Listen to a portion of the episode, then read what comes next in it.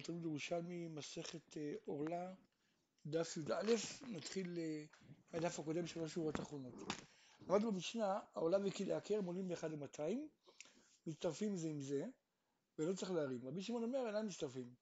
באיזה אומר מצטרפים לנותן טעם, אבל לא לאסור. מצאנו ברייתא על זה, שאומרת, מצטרפים זה עם זה בין לאסור, בין בנותן טעם. כלומר, לאסור הכוונה שאם זה מין במינו, אז אם אין שם 100 אה, או 200, תלוי מה זה, אז הכל יהיה אסור. אה, בן בנותן טעם, הכוונה מין בשלום מינו, כן, אז שם זה אסור בנותן טעם. אז זה דבר רבי מאיר. ורבי שמעון אומר, אינם מצטרפים. זאת אומרת ששני אה, איסורים לא מצטרפים. ורבי אלעזר אומר, מצטרפים בנותן טעם, כלומר כדי לפסול במין בשלום מינו, אבל לא לאסור מין במינו. יש שם פליגים, אומרת הגמרא במה הם חולקים, באיזה מקרה, כשנפלו שלושה לוגין עורלה ושלושה קבין, אה, סליחה, שלושה קבין של עורלה ושלושה קבין של כלאי הכרם, כן? אה, נפלו כאחד בתוך מאה שאה של חולין.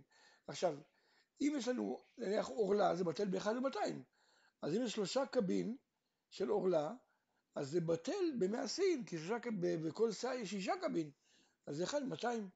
וגם השלושה קבין של כלאי הכרם גם כן בטל. אז במקרה כזה, כן, במקרה כזה אה, הם חולקים, כי למרות שיש 200 חולין כנגד כל איסור בנפרד, לרבי מאיר האיסורים מצטרפים וזה אסור. כן, כלומר כיוון שביחד אה, יש פה הרי אה, שאה שלמה, ויש לנו רק 100 כנגדו, אין, אין 200, אז לכן שתי מצטרפים ומוסרים. ואילו רבי שמעון בלזר, רבי שמעון ורבי אלעזר אומרים, הם מצטרפים ומותר. אבל אם נפלו שלושה קבין עורלה, קודם כל, ואחר כך נפלו שלושה קבין ועוד של כלי הכרם, במקרה כזה הותר הקרי. למה?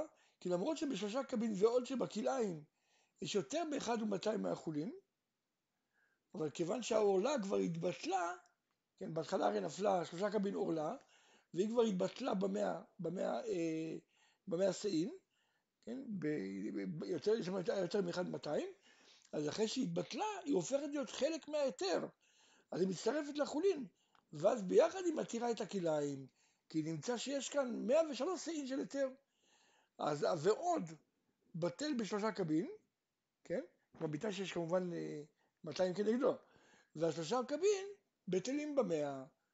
אז ככה בעצם האיסור ודאי, כולם, בזה כולם מודים, שהאיסור עצמו בטל ומצטרף להתיר את האיסור הבא.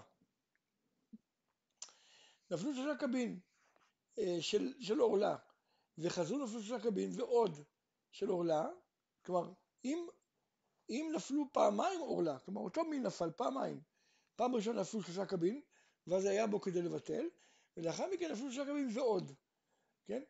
אז שואלת הגמרא, כמו מה נדון את זה? האם כמו שנפלו שלושה קבין עורלה ושלושה קבין ועוד של כלי הכרם שהם בטלים והכל יהיה מותר, או שאני אומר לא, כן, למרות שהם נפלו בזה אחר זה, כיוון שזה באותו מין, אז כמו שנפלו שלושה קבין של כלי הכרם, ושלושה קבין שלו כאחד ויהיה אסור, כן? כלומר, ברגע של אותו מין, אני אומר כאילו, כמו חוזר ונאור, כן? כלומר, כאילו, שמצא מין את מינו ונאור. השלושה קבין הראשונים הצטרפו לאחר מכן לשלושה קבין ועוד, שנפלו אחר כך, והכל יהיה אסור. אומרת הגמרא, פשיטא שידיעתו בין הנפילה לנפילה מתיר אותו. כלומר, אם נודע לו אחר הנפילה הראשונה, אז הראשונים כבר בטלו. והשלושה השניים לא מצטרפים, ואז הכל יהיה מותר. כן? עכשיו, אבל אם הוא לא ידע בין נפילה לנפילה, אז השלושה קווים השניים מצטרפים לראשונים ואוסרים. כן? שאלת הגמרא, ידיעת חברו, מהו שתתירו? שאלת הגמרא, מה הכוונה? איך אבידה? כגון, והוא לא ידע, כלומר הוא עצמו לא ידע שנפל אה, נניח שלושה קבים של אה, עורלה לתוך המאה השאים של חולין שלו, אבל החבר שלו ידע בה, כן? אז השאלה אם הידיעה של החבר נחשבת ידיעה, ואז לאחר מכן אם יפלו עוד פעם שלושה קבים ועוד, האם זה הראשונים כבר התבטלו, או שאני אומר לא, צריך שהוא בעצמו ידע, וכיוון שהוא לא ידע, אז אין פה אה, חלוקה, והשלושה השניים ועוד מצטרפים לשלושה הראשונים והכל אסור. עוד שאלה, ידיעת ספק, מהו שתתיר כידיעת ודאי? שוב פעם הגמרא שואלת, מה הכוונה? איך אבידה?